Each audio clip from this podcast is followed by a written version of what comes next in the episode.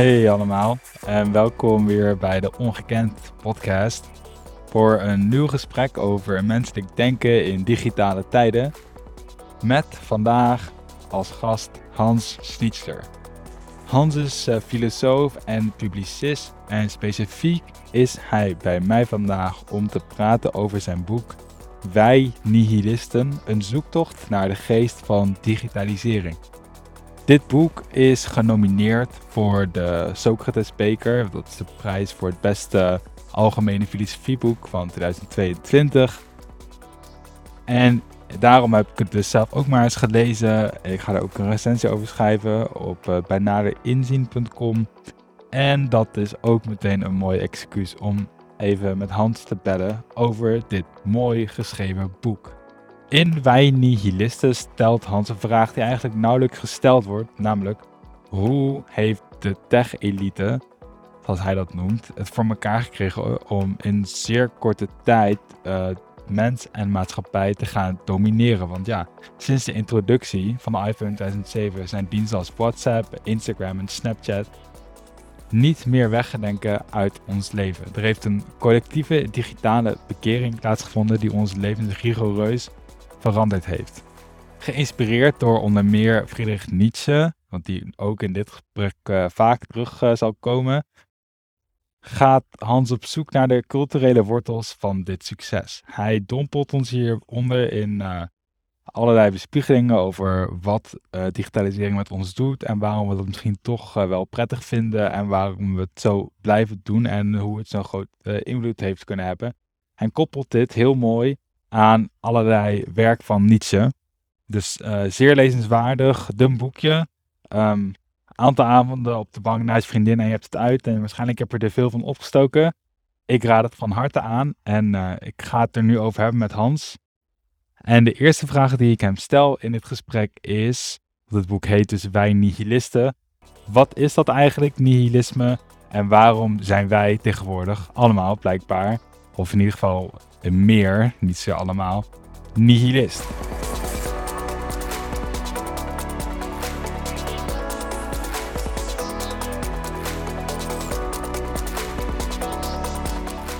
Ja, wat is een nihilist? Net is, een nihilist is, ja, je zou kunnen zeggen, een veelkoppig monster. Hè? Het, het spreekt zich uit van zeg maar, een soort uh, pafferig soort decadentie.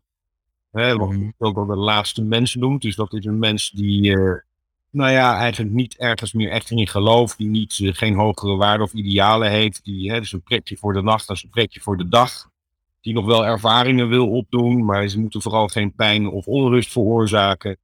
Het is een mens die zich vooral bekommert om zijn gezondheid uh, en zijn veiligheid uiteraard. Nou ja, een beetje, je zou kunnen zeggen, het profiel mens dat nou, wel goed beantwoordt aan uh, wat we zo'n beetje om ons heen zien in een ja. ja consumentistische omgeving. Maar ja, aan de andere kant staat natuurlijk ook wel echt ja, een, soort hardvochtig, uh, cynisch figuur. Dat is een andere extreem van de nihilist die, die echt alles afwijst, heel bewust. Elke ja. waarde, elke moraal, nergens uh, genoegen meeneemt. Uh, en ja, die we natuurlijk vooral uit de Russische literatuur kennen, maar ook wel uit andere boeken. natuurlijk Vaders en Zonen, uh, Turgenev. Dat zijn ja. ook van die uitgesproken literaire types, die, die heel radicaal breken met alles wat, wat dan zogenaamd waar zou zijn. En uh, ja, die als het ware met een grote lach alles terzijde schuiven wat, uh, wat daar uh, naar neigt. Dus ehm, ja, dat zijn wel een beetje de extreme van het soort nihilisme dat je, dat je, nou ja, wat je zou kunnen onderscheiden. Je hebt niet zo mm. over een actief nihilisme, dus dat is iemand die werkelijk vanuit dat besef van dat van die zinloosheid van het bestaan probeert tot zelf uh, nieuwe waarden te creëren. Dan krijg je dat idee van, van de ubermens natuurlijk, uh, van een voorname geest, uh, die waarden scheppen, die mm. ja zegt tegen het bestaan. En nou ja, dus dat, dat zijn zo'n beetje de, de, verschijningsvormen van het nihilisme. En um, grofweg. Ja, je hebt eigenlijk twee verschijningsvormen. Het ene is eigenlijk, we willen veel ervaringen opdoen Zolang het maar een beetje leuk is en eigenlijk niet te onhandig is of niet veel pijn doet. En die andere is, zeg maar, het stereotypische figuur van de persoon die de hele dag zwarte kleren draagt en alles heeft toch geen zin. Ja, precies. Een mooie roman is van mm. J. Ik weet niet of je het kent, Speeldrift. Mm. is een ja, van naam, maar... En zij voert dus twee tieners op die uitgesproken nihilistisch zijn, maar dan dus in een moderne context. En ja, wat blijft er eigenlijk over? Nou, een soort van uh, ja, speeldrift. Gewoon spelen om het spelen. Uh, hmm. uh, en nou ja, dus dat, dat zijn wel mooie voorbeelden ehm, van nihilistische verschijningen. En ehm, nou ja, inderdaad, dat, dat zijn de uiterste vormen zo'n beetje. En um, wij zijn dus eigenlijk ook steeds meer uh, in een van die twee vormen nihilist aan het worden. Of ja, nou, de gemiddelde ja. deze cultuur. Nou, ik denk vooral de, ik denk toch vooral de, zeg maar de, het, het pafferige type, de passieve nihilist, ja. zoals Nietzsche dat zou noemen. Dus de laatste mens. En ja, goed, hij heeft natuurlijk die cultuuranalyse gedaan van waar dat dan uh, vandaan komt. En ja, dat verbindt hij natuurlijk aan die beroemde frase waarin hij, dat beroemde aforisme uit de vrolijke wetenschap waarin hij God dood verklaart.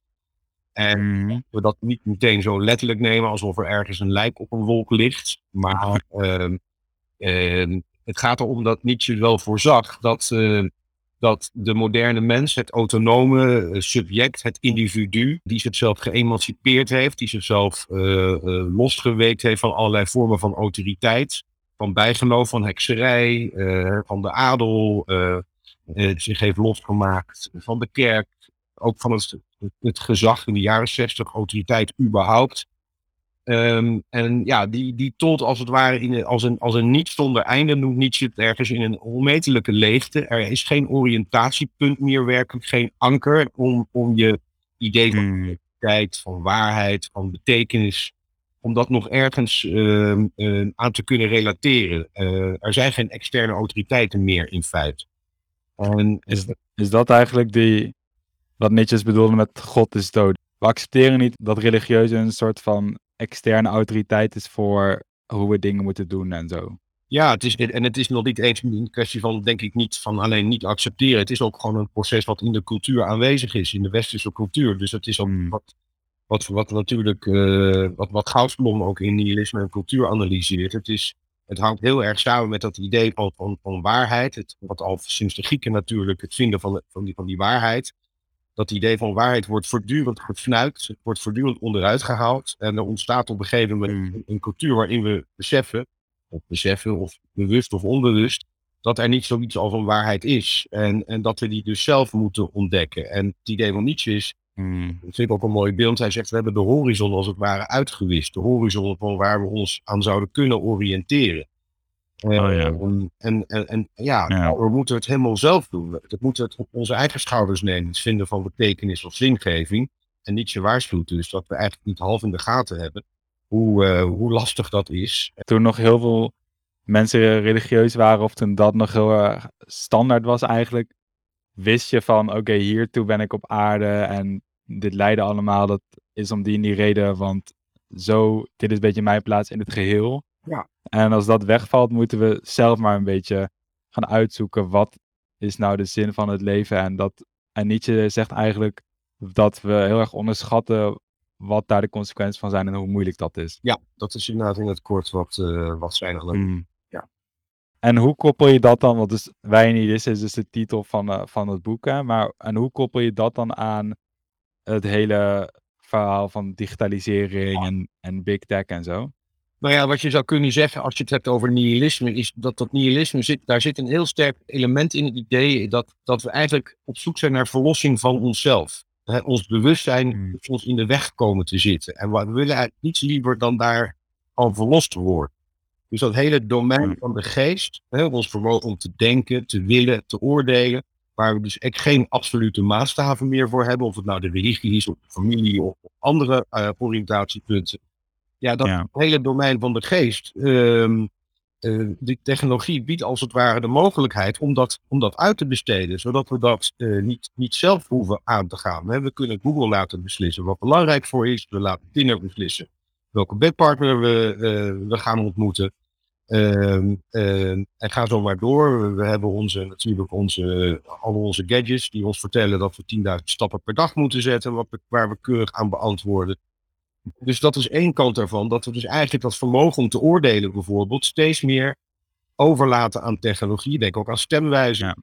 Waardoor we niet, zeg maar, het niet zelf op ons hoeven te nemen. En de andere kant is En dat is natuurlijk gewoon om ons heen. Als je nou op een perron staat.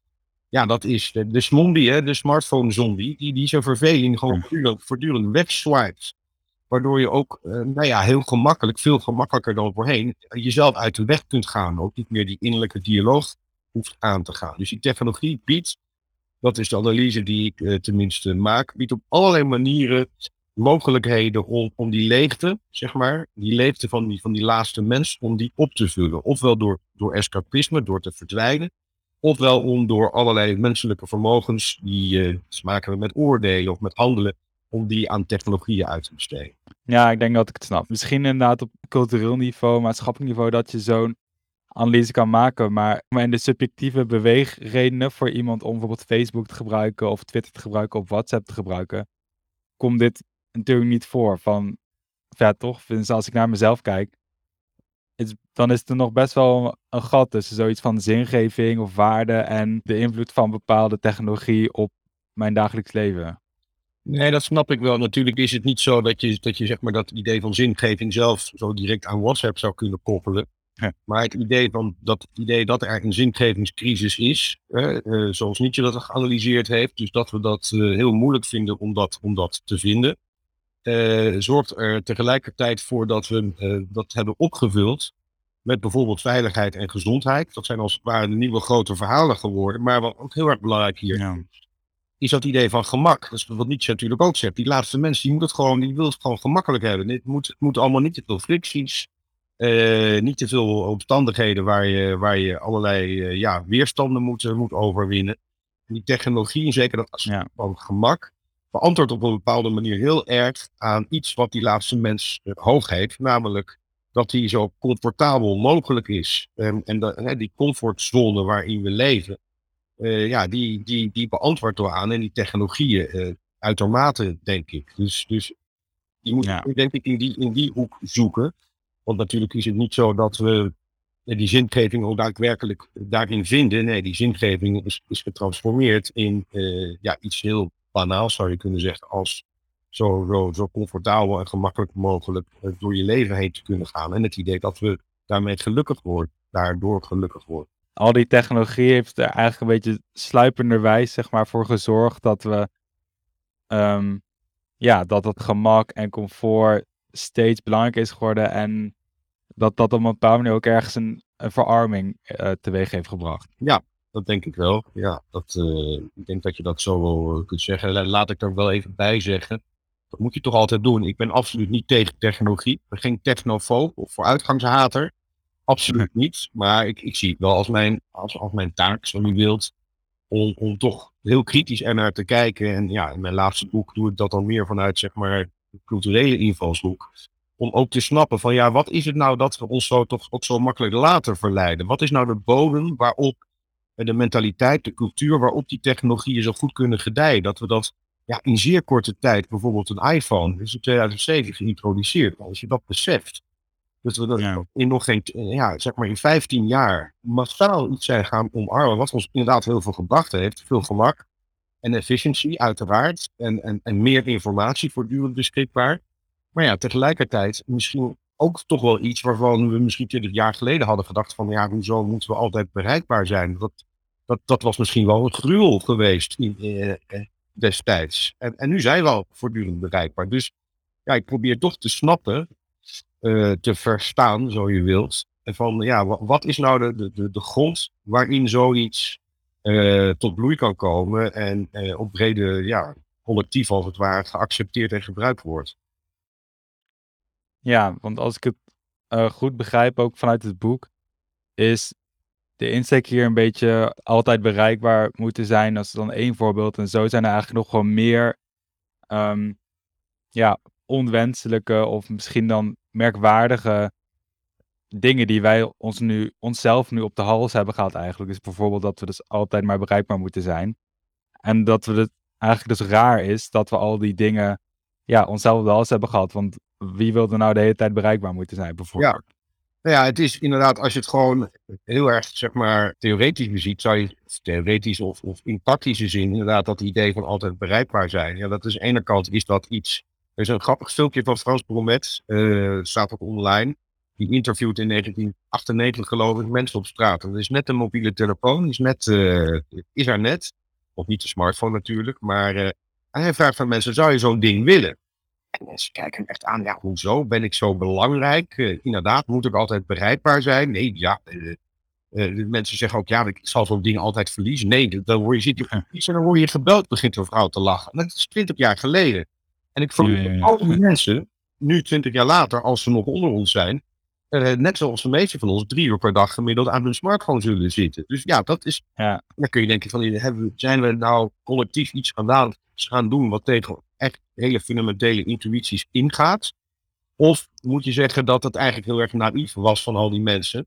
Omdat ja, iets wat de communicatie vergemakkelijkt, uh, wat ons makkelijk opneemt in die, in die informatiesfeer, dat, dat zullen we per definitie omarmen, omdat dat ergens beantwoordt aan iets wat we ook willen. Uh, we, we klagen veel over de filterbubbels, de echoputten.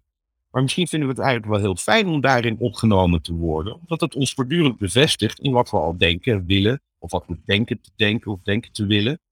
En ja, dat is, dat is fijn. Dat is dat zachte bed waar, waar die laatste mensen zich graag in nestelt. Het antwoord op hoe kan het dat het dan zo, zo snel zo dominant is geworden, is omdat het dus ons dingen geeft die we eigenlijk eigenlijk ergens wel fijn vinden. Ook al zijn ze misschien niet altijd het beste.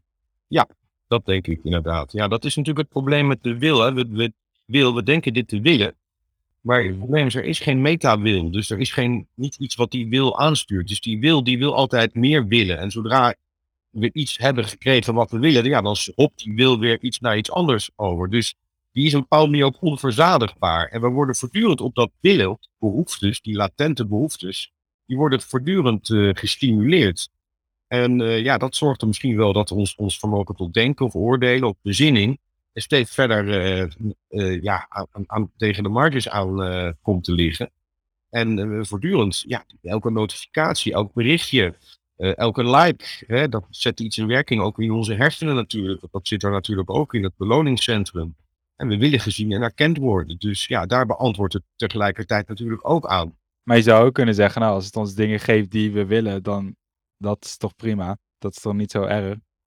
Ja, dat zou je kunnen zeggen. Uh, ik denk alleen dat, nou ja, één, dat we wel moeten, want omdat we zien natuurlijk ook wel de keerzijde van Big Tech en van de manier waarop data en algoritmes ons profileren en wat voor uitwerking dat allemaal heeft. Uh, dus, dus ja, als we dat problematisch vinden, of daar toch wel een aantal en, en, ja, zaken van herkennen, van nou, dat is misschien toch niet echt bevorderlijk voor, voor onszelf als mens, maar ook voor misschien de democratische rechtsstaat. Denk aan nepnieuws, de verspreiding ervan. Dan denk ik dat het toch van belang is om ergens te proberen een soort kritisch digitaal bewustzijn uh, te ontwikkelen. Dat we op zijn minst snappen waar, het, waar het mogelijkerwijs vandaan komt. Uh, ja. en, en ons dan te vra de vraag ook te stellen: van ja, maar is dit nou werkelijk? Willen we dit wel echt?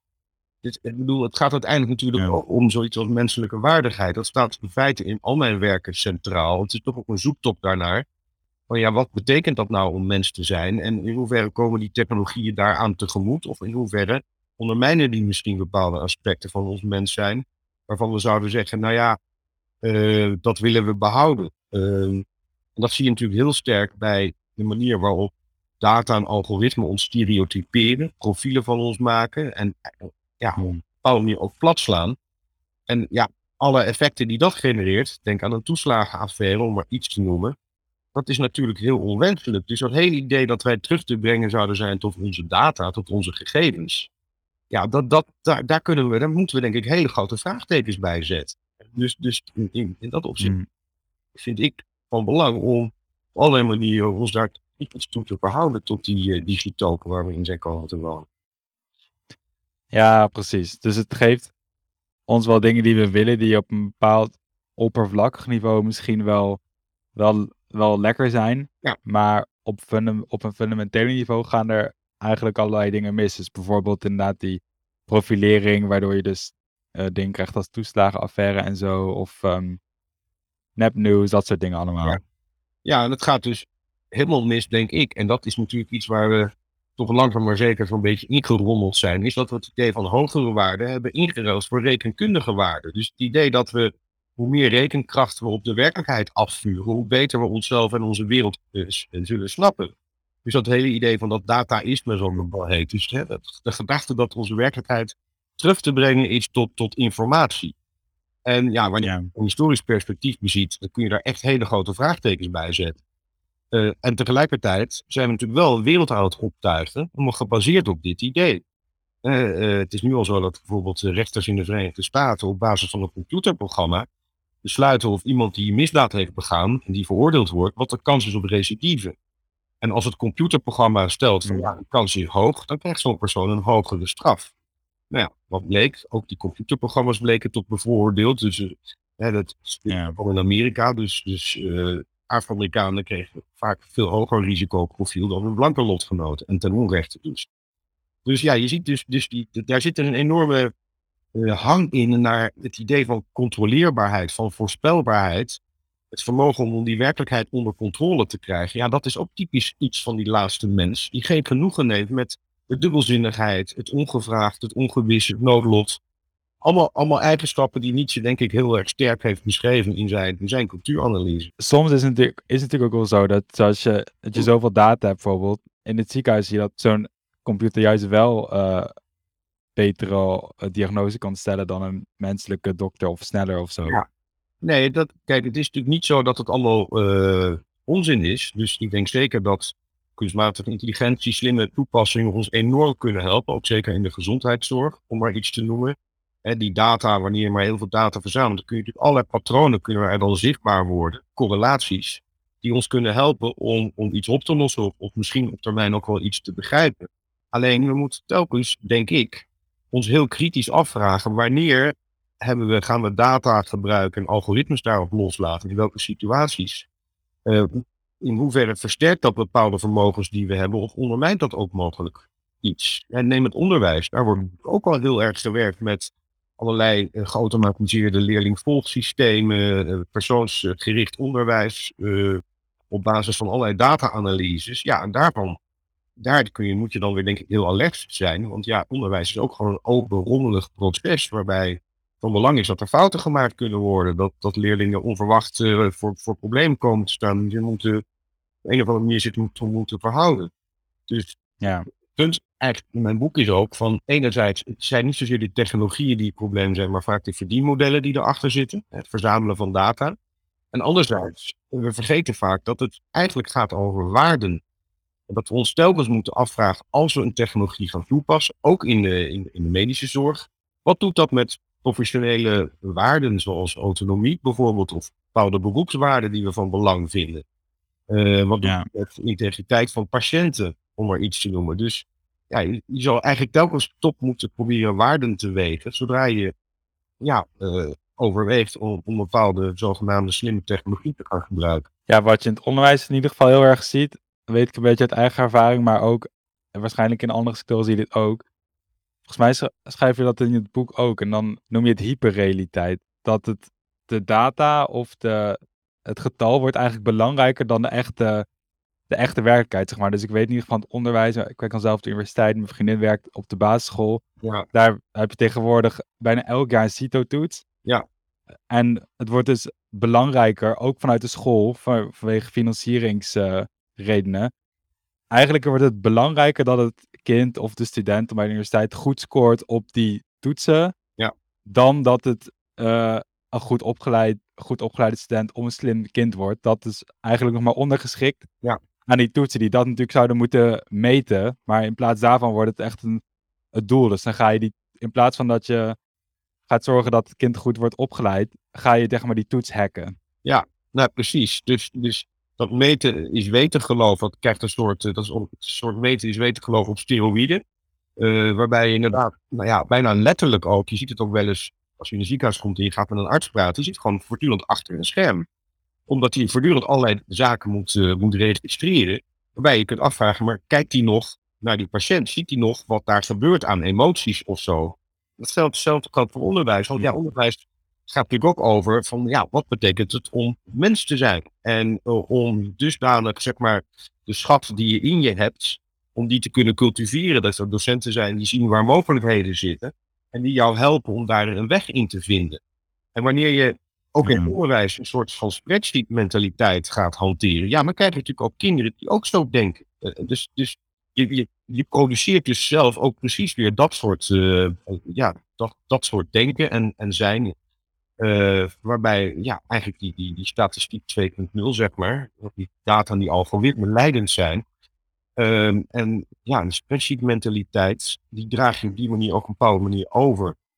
Nou ja, dat is ook precies de reden dat ik natuurlijk ook betrokken ben bij de Beelddoen Academie. Hè, dat onderwijsinitiatief, waarbij we echt met algemene vorming bezig zijn, maatschappelijk verantwoordelijkheidsbesef. We dus ook geen cijfers geven. Uh, En ja, als je ziet, en we doen dat ook met studenten aan de universiteit, die gewoon regulier onderwijs volgen. En die volgen dan een vak bij ons. En die vallen zo wat van hun stoel. En die zeggen eigenlijk over de hele linie, eigenlijk hebben we het idee dat we gehoord en gezien worden. Nou, dat is een best wel vanuit. Mm. Uh, dus inderdaad, mm. echt, omdat ze ergens door een systeem geduwd moeten worden, waar ook nog, ook nog eens een keer een, eh, een bepaalde bekostiging achter zit. Ja, en ze zelf, zichzelf ook een beetje als kleine machientjes gaan, uh, gaan beschouwen en, en, en zo ook gaan handelen. Ja, het is misschien een beetje een, een zijsportje, maar kan je ons even kort uitleggen wat die beelddoen uh, ja. Academy doet? Want ik weet het zelf ook niet eigenlijk. Oké. Nou ja, het is zo'n eh, zes jaar geleden begonnen, toen de maagdenhuisbezetting hier speelde in Amsterdam. De veel breder was onder studenten. En een groepje studenten eigenlijk, van zowel de Vrije Universiteit als de Universiteit van Amsterdam, die kwamen bij elkaar. En die hadden ook hun zorgen over het onderwijs. Die hadden ook het idee van een gemis, dat ze echt iets misten in hun onderwijs. En die, uh, ja, die dachten van, ja, we kunnen ons aansluiten. We kunnen ook het maagdenhuis bezetten. We kunnen ook doen alsof ons neus bloedt en gewoon studie afmaken en het op het cv'tje zetten. Maar we kunnen misschien ook het onderwijs gaan inrichten op een manier zoals wij denken, uh, zoals het zou moeten zijn. En toen zijn hmm. ze een aantal mensen erbij betrokken, wetenschappers, uh, denkers, uh, mensen ook uit het bedrijfsleven, kunstenaars. En ja, in een half jaar tijd hebben ze het eigen programma ontwikkeld voor studenten om dat te kunnen volgen. Maar ook wel heel erg uitdrukkelijk met het idee dat ze dat, dat zaadje in bestaande onderwijsinstellingen uh, willen planten. Dus het idee dat je van binnenuit ook nu het onderwijs mede uh, te vormen en te veranderen. Dus ja, zo zijn we begonnen. En uh, dus eerst zelf met ons eigen onderwijs. En we zijn nu zes jaar verder. En ja, hebben op de Vrije Universiteit mede ook de hele bachelor helpen mee, mee inrichten. Om ook vanuit het idee van, van beelddoen. Ik geef zelf daar ook een vak, vorming in vloeibare tijden. Dat doen we samen met de VU. Ja, we zitten ook op MBO's, middelbare scholen. We leiden nu ook docenten op. We worden overal gevraagd om, om advies te geven. Dus ja, in korte tijd uh, is het denk ik ons eigenlijk best wel gelukt om dat zaadje uh, steeds verder te planten. En er was ook echt, er is ook veel behoefte aan. Omdat natuurlijk ook ja, in het onderwijs, ook de onderwijsprofessionals zien van ja, maar dit, dit, dit moet breder. We moeten veel meer nadenken ook over ethiek. Van hoe verhoud je je tot de werkelijkheid? Wat betekent het als je een bepaalde opleiding hebt gedaan?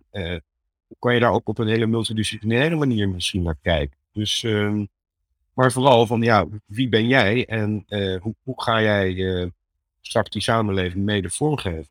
Wat betekent dat? Want building is dus eigenlijk dat je met studenten of leerlingen over dat soort meer persoonlijke dingen gaat reflecteren. En dan in een kleine schaal of zo. Ja, wel een kleine schaal, maar ook wel echt heel erg gerelateerd aan inhoud. Hè? Dus wij nodigen ook mm. mensen uit die, uh, die echt ook wel, uh, nou ja, fors op de inhoud zitten. En vervolgens is het de, zaak en digitalisering bijvoorbeeld, dat, dat doe ik dan vooral binnen met die studenten. Maar dan gaat het ook van hoe verhoud ik mezelf tot die schermwerkelijkheid. Maar je gaat ook het hebben over ja. technologie eigenlijk. Wat doet het met ons? Nou ja, in dat verband bijvoorbeeld, uh, wij, wij sporen studenten ook heel erg aan om te handelen. Dus het gaat niet alleen maar over het hoofd, maar ook over het hart en de handen. En ik doe dus al zes jaar lang een detox, een digitale detox met mijn studenten. Ik ga een week lang helemaal offline. En dat mm. omdat ik ze in digitaal geheelmonthouders wil veranderen. Maar wel omdat dat hele interessante inzichten oplevert. Dus beelden gaat ook over ja, uit je comfortzone komen. Ook andere soorten werkelijkheden en ervaringen proberen op te doen. Andere waarderegisters aanboren. En op die manier ja, zeg maar een rijker, wijzer, voller, mooier mens te worden. Ook om even terug te gaan naar het onderwerp van digitalisering. Bij zo'n digitale detox, wat, uh, wat zijn dan een beetje de reacties die je daarop krijgt? Ja, dat, is heel, uh, dat loopt heel erg uh, uiteen. Of nou ja, uiteen. wat je wat je in ieder geval hoort is dat, nou ja, heel alledaags, dat studenten langer en beter slapen. Dat, dat de gesprekken die ze voeren dieper gaan, conceptueler ook zijn. Maar ook wel interessant, het gevoel dat ze meer zelfvertrouwen krijgen, dat ze zich onafhankelijker voelen. Uh, dat de, de werkelijkheid om hen heen, dus zeg maar de manier waarop je in de publieke ruimte beweegt of in de natuur, dat dat echter is, zeggen ze vaak. Dat woord echt valt vaak. Hmm. Meer ook voor details. Uh, en ja, heel belangrijk, voor mij in ieder geval, uh, is dat hun concentratie en aandachtsvermogen met sprongen toeneemt. En ja, dat is echt, ja. echt wel een belangrijk ding. Concentratie is natuurlijk heel belangrijk, maar ook aandacht in de zin van betrokkenheid op de wereld om je heen. Ja, dat valt of staat met ook toch wel een soort fysieke aanwezigheid. En, en, en, en ja, wanneer je dus te gemakkelijk in een scherpje kunt verdwijnen, dat doet iets met aandacht, doet iets met betrokkenheid. Nou, dat soort inzichten. En ja, daar gaan we dan het gesprek over aan. En, uh, nogmaals, dat is deels gewoon inhoudelijk. Want nou, wat, wat zegt dit over onze verhouding tot technologie, maar ook persoonlijk? Hoe verhoud ik mezelf tot die schermwereld? Volgens mij zijn daar ook echt onderzoeken naar dat um, gewoon mensen misschien van mijn generatie of net daaronder, gewoon gemiddeld scholieren of zo, zich daadwerkelijk slechter, gewoon een slechter concentratievermogen hebben.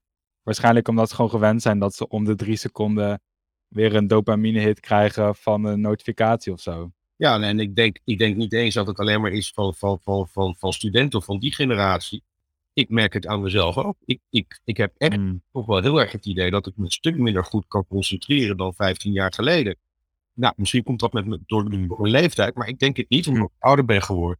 Dat heeft echt te maken met het voortdurend, wanneer je je aandacht voortdurend ja, van het hier en nu naar overal nergens wordt verleid, dan wordt het steeds moeilijker om die aandacht ook ergens bij te houden. En uh, ja, dat, dat doet dus iets met, uh, met, je, met je betrokkenheid. En uh, ja, ik, het is natuurlijk ook zo dat de grote techbedrijven, in feite is dat een, een aandachtsindustrie. Want ze, ja, ze moeten ons natuurlijk zoveel mogelijk aan die scherpjes zien vast te lijmen, dat we zoveel mogelijk swipen, sharen en klikken. Want dat genereert die data. En daar zijn ze natuurlijk enorm bedreven in om, om dat ook voor elkaar te krijgen. En ja, dat, dat, dat, dat vind ik, als je nou hebt, hebt over die digitalisering, misschien wel ook een van de meest zorgelijke aspecten, is wat het met onze aandacht en betrokkenheid dus doet.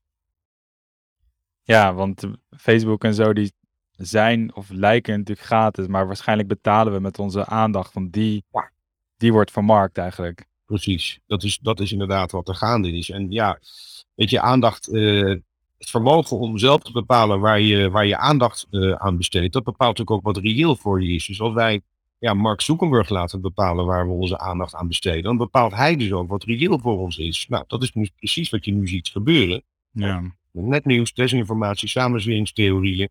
En dat soort eh, zeg maar, hele spectaculaire verhalen die de algoritme zetten, die je natuurlijk bovenaan. Uh, dat is hoe het, hoe het nu eenmaal het verdienmodel in elkaar zit. Ja, en dat heeft toch wel echt best wel nou, ik durf wel te zeggen, uh, desastreuze gevolgen. Bijvoorbeeld in zo'n oorlogscontext, want we, dit nou, we nemen dit nou op de middag dat de oorlog begonnen is, of lijkt in ieder geval met Rusland en Oekraïne.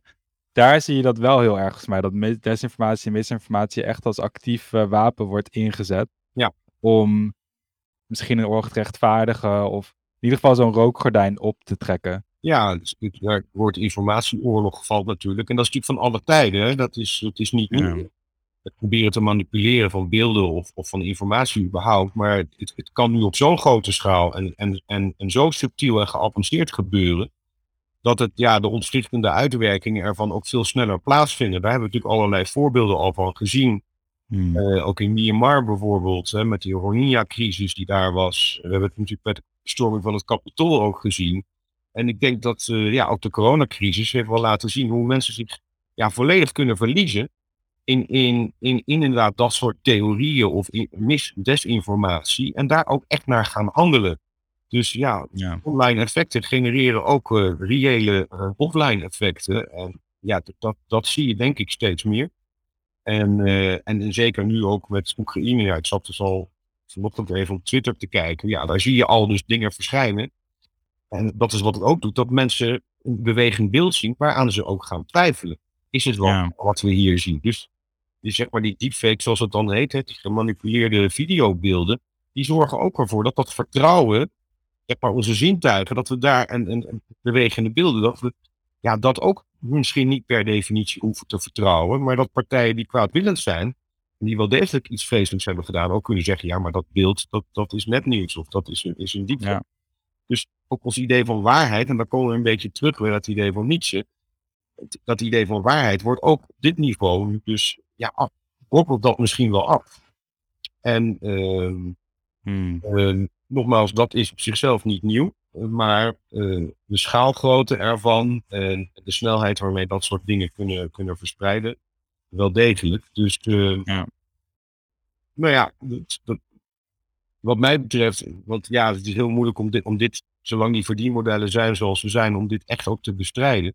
Dus we zullen ook, denk ik, ook in het onderwijs veel oog moeten hebben voor hoe komen feiten tot stand. Hè, hoe doet een journalist dat? Hoe komt een journalist tot feitelijke constatering of een wetenschapper? En hoe komen feiten op internet bijvoorbeeld tot stand? Dat, dat we ook, zeg maar, in, zeg maar, die digitale geletterdheid op dat niveau ook gaan verbeteren. Ja. Ja, want dat is natuurlijk wel het nadeel of het risico met dat je nu eh, nepnieuws, maar alle informatie zo ver kan verspreiden. Ehm, er hoeft maar een heel klein percentage, zeg maar, ja, voor te vallen. Want dat is volgens mij wel wat je vaak ziet, dat eh, echt weinig, weinig mensen ermee intrappen. Maar er hoeft maar zo, ja, als het, ehm, als het 5% is en heel veel mensen zien het, en die 5% van Nederland gaat nou wel alle internetmasten in de fik zetten, Ja. om dan nog eigenlijk een relatief onschuldig voor, voorbeeld te gebruiken, dan zijn er nog steeds best wel veel mensen. Nee, zeker. En, en ja, en eh, het doet dus ook iets met, met ja, het zorgt ook voor dat, dat wantrouwen natuurlijk ook wel breder kan gaan leven. Ja, Niet alleen bij die meest extreme groepen die, die daadwerkelijk ernaar gaan handelen. Maar er zijn natuurlijk ook heel veel mensen die ja, misschien van huis uit en terecht sceptisch zijn. Of, eh, maar er kunnen omstandigheden zijn waardoor je toch ja, misschien net even dat duwtje krijgt om, om echt dat, dat, dat, dat je aan alles kunt gaan twijfelen, bij wijze van spreken. En eh, ja, ja, wanneer we dus zeg maar werkelijk ook gaan twijfelen aan wat, wat echt is, ook in onze gemeenschappelijke ruimte, onze publieke ruimte. En het ook heel moeilijk wordt om nog ergens overeenstemming over te krijgen. Ja, dan dat is natuurlijk wel een enorme ondermijning van precies dat wat die publieke ruimte moet zijn. Dat we daar in gelijkheid en verscheidenheid eh, verschijnen aan elkaar, maar, maar dat er nog wel een basisidee is, overeenstemming over wat waar is. Je kunt wel verschillende perspectieven op Mm. waarheid hebben, maar als het object zelf van die waarheid ook verdwijnt, ja, dan, dan wordt het wel heel erg vloeibaar naar mijn idee. ja, dus het grootste risico is inderdaad eigenlijk ehm, dat gewoon het hele klimaat, het hele informatielandschap zo vergiftigd wordt dat je bij alles kan gaan beweren, ja, maar is dat niet een deepfake? Of oh, hoe, hoe weten we of dat wel echt waar is? Ja, dan wordt eigenlijk die waarheidscrisis, zoals Gaflon dat begrijpt, dat, dat, dat, zeg maar dat, dat nihilistische element in die cultuur, waar we het begin even over hadden, dus dat idee dat telkens zoeken naar waarheid, dat dat zo typisch is voor het Westen, dat die waarheid wordt telkens onderuit gehaald, of door wetenschappen, of door nieuwe inzichten, dus we moeten telkens weer naar nieuwe waarheid. Ja, dat, dat alsof je hier inderdaad een soort uiterste eh, bereikt, een soort uiterste grens. Waarbij, Ja. ja. vroeger werd waarheid, of het was geopenbaar, geopenbaarde waarheid, eh, de goddelijke waarheid. In de wetenschap is het een gevonden waarheid. Maar nu wordt die waarheid als het ware ook zelf een product. eh, nog meer dan ooit. En ja, en, en dan is het misschien wel de grill van de dag welk product eh, wel of niet geconsumeerd wordt. En dat, dat waarheid meer een soort van inhoud consumptieartikel wordt. Mm, want hoe bedoel je dat precies? Als in consumptieartikel of product, als in het is gewoon hetgene wat het beste scoort, dat wordt de hele tijd gedeeld en dan dat gaan we waarschijnlijk voor waar aannemen. Ja, precies. Het, wordt als het ware in een fabriekshal gefabriceerd. Alleen die fabriekshallen, dat zijn niet de fabriekshallen van de, van de 19e eeuw of zo. Maar dat, dat zijn de datacentra. Waar eh, de, de, de, de, machines staan die, eh, die die waarheid ook produceren voor ons. En, en, en projecteren op een venster, eh, ons scherm, waarmee we ook de wereld bezien. En dat is dat venster, eh, ook sociale media, maar ook in algemene zin. Eh, ja, dat venster is dus stuk, niet door de technologie nogmaals, maar door die verdienmodellen. En dat kan wel voor een eh, ja, gemarkeerd eh, beeld zorgen van hoe we naar buiten kijken. Ja, want wat we daarop zien is eigenlijk geen goede weergave van de echte realiteit. Zowel qua ja, nepnieuwsachtige dingen, maar ook in, ook in het algemeen met social media. Bijvoorbeeld wat je net zei over dat een van de effecten uh, meer zelfvertrouwen was. Van die detox. Ja. Dat heeft hier denk ik ook hiermee te maken. Want wat je vaak dan ook ziet, is dat op Facebook of Instagram of wat dan ook, plaatsen mensen alleen maar gewoon uh, ja, supergoeie dingen of mooie foto's of zo. En dat je dan, uh, ook al weet je het ergens wel, maar gewoon eigenlijk vergeet dat, dat wat je daar ziet helemaal niet representatief is voor de werkelijkheid. Ja, klopt. Nee, ik denk dat dat ook dat is natuurlijk niks nieuws. Vroeger had je natuurlijk allerlei modemagazines, wat dan ook, of, of reclames of abris. Maar nu ja, hebben we dus die telefoon in ons broekzak. Op Insta uh, worden beelden geplaatst waar ook nog eens een keer een filter overheen zit. Dus ook uh, daarin wordt er een soort, ja, een soort ideaalachtig plaatje gemaakt. En uh, ja, dat, dat doet iets, en dat, dat weten we nu ook uit onderzoek, ook zeker bij, bij tieners, dat doet iets met het zelfbeeld bijvoorbeeld. Ja. Uh, dat idee van een soort obsessie bijvoorbeeld met symmetrie, met symmetrische, dat, dat die, je, je gezicht bijvoorbeeld perfect symmetrisch moet zijn, omdat die filters dat voortdurend dat beeld terugkaatsen. En uh, ja, dan, dan krijg je dus dingen zoals, uh, ik heb er wel eens van gehoord, Snapchat dysmorfie, noem het ook in mijn boek. Ja, daarvoor had ik nog nooit van gehoord, maar... Nee, nee. Maar dat is dus, ja, dat, dat mensen dus inderdaad met een afbeelding van een selfie van, van, van, uh, van Snapchat bij, bij een plastisch chirurg uh, belanden en vragen of uh, ja, hun beeld gevormd kan worden naar, naar hoe dat op, dat, op die selfie eruit ziet. Dus ja, eigenlijk ja. kunstmatige intelligenties gegenereerd beeld wordt dan een soort ideaalbeeld voor schoonheid. Niet eens meer een mens van vlees. Oh, ja. Dus dat is je, kunt, ja, je zou kunnen zeggen een interessante omkering. Uh, waarin je, je online langer meer een afspiegeling is van het leven, maar het leven een, een afspiegeling wordt van je online gezicht. Dus een soort interessante omkering. Ja. Uh, ja, dat zou Baudrillard inderdaad, de, dat is typisch voor de hyperrealiteit. Want als het een laag bovenop de fysieke re realiteit, die langzaam maar zeker die fysieke realiteit uh, naar de marges toe werkt. Ja, want bij, bij de, en bij dat Snapchat dysmorfie, dat was dus, dat is, zijn dus mensen die gewoon een filter van Snapchat, die laten hun er op een bepaalde manier uitzien op die foto. Ja. En dan gaan ze met die gefilterde foto naar de plastic van zo wil ik er ook in het echt uitzien. Dus ja, regel dat. Ja. ja, ik las zelfs een verhaal van ja. iemand op, op, op Snapchat of op Insta, dat weet ik niet meer. was een interview in de, in The Guardian en die uh, had, heel, had heel veel volgers, maar die was op een gegeven moment bang om die volgers in het echt te ontmoeten, omdat ze natuurlijk voortdurend met een filter communiceren, waarin haar, ja, haar gezicht er natuurlijk anders uitzag. En die ging inderdaad ook naar een plastisch chirurg. Van ja, ik wil precies eruit zien zoals op mijn, uh, op mijn Snapchat uh, profiel bijvoorbeeld. En uh, zodat ik ook die mensen in het fysieke, want mijn gezicht voldoet niet meer, mijn echte gezicht. Een soort catfish, maar dan anders. Ja, ja dus eigenlijk als ik even zo terugdenk aan de samenvatting, vooral wat we eigenlijk weer willen is dat data, zeg maar die tools, ja, dat het meer meer een soort tool op gereedschap wordt. In plaats van iets wat belangrijker wordt of juist de baas over ons is en ons op allerlei manieren gaat veranderen.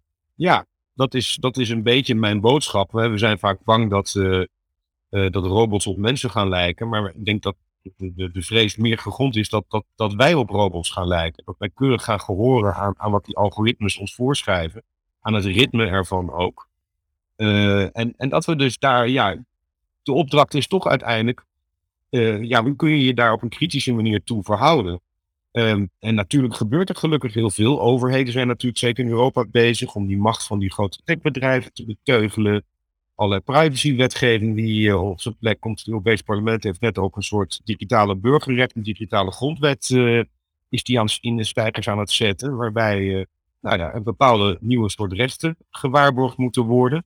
Zoals misschien wel het recht op fysiek contact of, of noem maar iets. Um, dus en ja, en, en we zullen ook zelf uh, toch denken, net zoals we nu steeds normaler vinden om, om duurzaam te leven, bijvoorbeeld. Ja, ik denk dat we zo ook naar onze technologieën moeten kijken. Van, uh, ja, zijn dit producten van, van dit specifieke bedrijf, noemen we Facebook, waar ik eigenlijk wel, wil ik daar wel iets mee te maken te hebben? Als we Facebook, ja. als ik heb wel eens eerder gezegd, Philip Morris van het internet. Want zo kijk ik wel naar zo'n bedrijf uh, als Facebook. Uh, wie is Philip Morris? Dat is een sigarettenfabrikant. Ah, oké, okay, ja. Dus als je dan snap ik hem, ja. naar, naar Zuckerberg zijn bedrijf gaat kijken, nou, dan kun je misschien ook wegen van, luister eens, ik, ik, uh, ik ga op zoek naar alternatieven. een verandering die plaats moet vinden is eigenlijk, moet niet meer de default zijn, de standaard dat je maar Facebook hebt en een, een Twitter en wat dan ook, maar uh, wil ik het eigenlijk wel. Ja, en, en uh, ja, dus dat, dat gaat over, uh, over het goede leven en, en, en de vraag, ja. wat betekent voor mij, wat betekent het om een, om een ja, een, ja, voor een leven te leiden waar dat in het teken staat van een, van een heel mens te zijn, van een karakter te ontwikkelen, van een bestaan waarin je vrij, soeverein en weerbaar bent. Uh, dat idee van levenskunst, wat natuurlijk ook bij Foucault, wat Foucault ook heeft uitgewerkt. Dus het idee van zelfzorg, wat bij de Grieken en Romeinen heel gebruikelijk was. En dat je dus uh, gaat nadenken over het invullen van je positieve vrijheid. Dus, dus de vrijheid ja. te maken heeft met zelfbepaling, met welke waarden je van belang vindt, waar je naar zou willen leven. En technologie maakt daar gewoon, ja, natuurlijk een onderdeel van uit. En, uh, en ja, het mooie is, nou, gelukkig zijn er ook steeds meer alternatieven die wel op een integere manier bijvoorbeeld met data omgaan. Eh, in plaats van Google de, de Go gebruiken bijvoorbeeld. Er zijn, er zijn mogelijkheden. En ja, je moet er iets van moeite voor doen. Maar uh, ja, dat is denk ik toch wel een opgave die, die nog steeds wel de moeite waard is. Maar alleen maar, zeg maar, DuckDuckGo gebruiken in plaats van Google en uh, je Facebook verwijderen. Dat is eigenlijk best beperkt, zeg maar, qua, qua gedragsverandering. Nou ja, als je een, kijk, als je een kritische massa op een gegeven moment hebt, als mensen daadwerkelijk uh, een bedrijf als Facebook of Meta, zeggen, de rug toekeert, dan, oh, ja. dan, dan, kan dat natuurlijk wel een verschil uitmaken. Als Europa een gezonde digitale infrastructuur zou optuigen, hè, als een soort tegenreactie tegen het soort surveillance kapitalisme, de digitale surveillance zoals Big Tech natuurlijk uh, vanuit Amerika, maar natuurlijk ook vanuit China, meer vanuit de Staten. Europa zou een alternatief kunnen bieden. Waardoor we misschien als continent wel heel erg interessant zouden kunnen worden voor niet alleen voor onszelf, maar ook voor andere partijen. Dus ja, we toch, het gaat toch uiteindelijk uh, over, over echt het bouwen van alternatieven en het nadenken over hoe kunnen we die digitale infrastructuur, die nu eigenlijk stuk is, die eigenlijk precies niet datgene doet wat we gehoopt hadden, namelijk ons democratiseren, emanciperen, ons wijzer maken. Hoe kunnen we, daar, uh, hoe kunnen we dat gaan herstellen, gaan repareren? En uh, ja, dat, dat is net zoals met het milieu, met het klimaat, uh, de opgave waar we, waar we de komende 10, 15 jaar voor staan. Als afsluitende vraag, heb jij daar uh, gedachten over of ideeën over hoe we dat, dat kunnen repareren? Nou ja, ja goed, dat is deels dus een, een institutioneel verhaal. Dat is deels een opdracht van de, voor de politiek. Dus ik denk, ik zou zeggen, als je gaat stemmen, ik denk dat het heel erg, net zoals je misschien belangrijk vindt hoe een partij kijkt naar klimaat, naar onderwijs, dat je echt goed oplet van hoe kijken ze naar digitalisering. Uh, dus dat je ook in die zin je stem kan laten gelden. Uh, dat is het meer. En um, om, om toch indirect invloed uit te oefenen. En vervolgens, ja, uiteindelijk gaat het ook over, over ethos, over, over een, een bepaalde houding, een bepaalde gerichtheid die je wilt hebben in het leven. En uh, ja, dat je daarin bepaalde kritische keuzes maakt voor jezelf. Ja, dat is echt, dat is echt belangrijk naar mijn idee. Dan was het toch niet de afsluitende vraag, maar dit... Ik merk ook, omdat we hadden het net ook over onderwijs eventjes, maar dit is ook iets waarvan ik zelf heel erg denk, dat zou gewoon in het onderwijs moeten zitten. Ja, we hebben ook lichamelijke opvoeding. Ik doe ook iets van geestelijke opvoeding. En dat klinkt heel dramatisch. Geest, dat klinkt een beetje als een correctiekamp, geestelijke opvoeding. Maar gewoon van wat, wie ben ik, wat is belangrijk, hoe ga ik met stress om, met sociale druk om, dat soort dingen allemaal. Ja, ik denk als je daar, dat dat, dat inderdaad, daar, nou ja, dat is op die Bilderacademie natuurlijk wat wij, wat wij doen. Maar ja, en je kunt ook toch, als je het hebt over digitale geletterdheid, heb je natuurlijk altijd hebben we het over first century skills. Nou, natuurlijk, ook belangrijk. Maar ik zou zeggen, het gaat ook eh, in het onderwijs misschien iets met aandacht doen. Dus uh, leer ook jongere kinderen wat het betekent om ergens aandacht aan te besteden. Uh, wanneer je bijvoorbeeld een tijd lang met een groep naar een schilderij gaat kijken. En je daar even de tijd voor neemt, ik noem maar wat. Je kunt ook andere omgevingen natuurlijk opzoeken. Om, om, om ook te, te snappen wat het betekent wanneer je je aandacht werkelijk op iets richt. En hoeveel diepte dingen dan ook kunnen krijgen. En hoeveel, uh, hoeveel je dat kan opleveren. Ook qua actief zijn als mens. Uh, dus ja, dat onderwijs zou denk ik ook in dit opzicht ja, toch ook veel meer een soort rijke aandachtsomgevingen moeten creëren. Waarbij die, die ook de afleiding toch uh, zo nu en dan in ieder geval uh, geminimaliseerd wordt. En, en kinderen leren wat, wat aandacht eigenlijk is en waarom dat zo belangrijk is, zo'n belangrijk menselijk vermogen. Want die aandacht ligt nu onder vuur eigenlijk. Ja, we moeten onze aandacht beter beschermen en bewuster leren, ja, leren uitgeven eigenlijk misschien wel. Ja, en het is iets wat van ons is. En dat is mooi, dat zie ik bij mijn studenten. Hè, wanneer, je, wanneer je daarmee aan de slag gaat, je kunt het, is ook heel makkelijk weer terug te winnen. Uh, maar de, ja, ik zie, daar zie ik echt wel uh, iets waar we nog heel veel winst zouden kunnen behalen. Om uh, ook allerlei oefeningen te doen die ons helpen om, om, om die aandacht terug te pakken. En dan heb ik het niet zozeer over mindfulness per se. Maar er meer gewoon over, nou, wat betekent, om, wat betekent het om ergens naar te kijken of naar iets te luisteren of om een gesprek te voeren? Om ja. bij te zijn en om, ja, in die zin wat ik ook in mijn boek zeg, eh, aanraakbaar te zijn. Dus dat je ontvankelijk bent voor het feit dat je als mens geraakt en aangeraakt kunt worden. Maar ja, dat is wel een fysieke.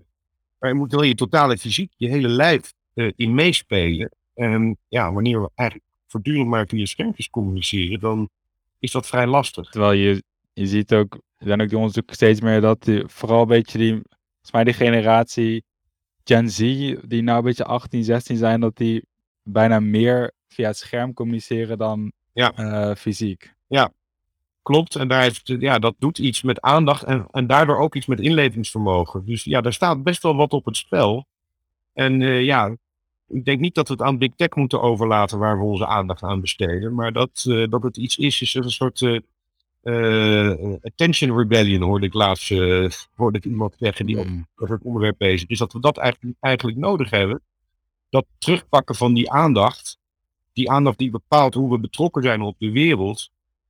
omdat we dat niet aan anderen moeten overlaten. Dus, ik bedoel, natuurlijk het gebeurt deels. Het is, je bent natuurlijk nooit helemaal baas over je aandacht. Maar de manier waarop het nu gebeurt is wel dusdanig alomvattend dat dat uh, echt is doorgeschoten. Bij deze, um, ja, daar wil ik het graag bij laten.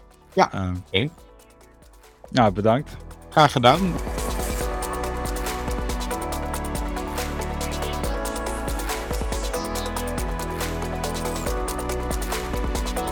Nou, dat was dus uh, Hans Schnitzler. Ik vond het zelf een heel leuk en leerzaam gesprek ook.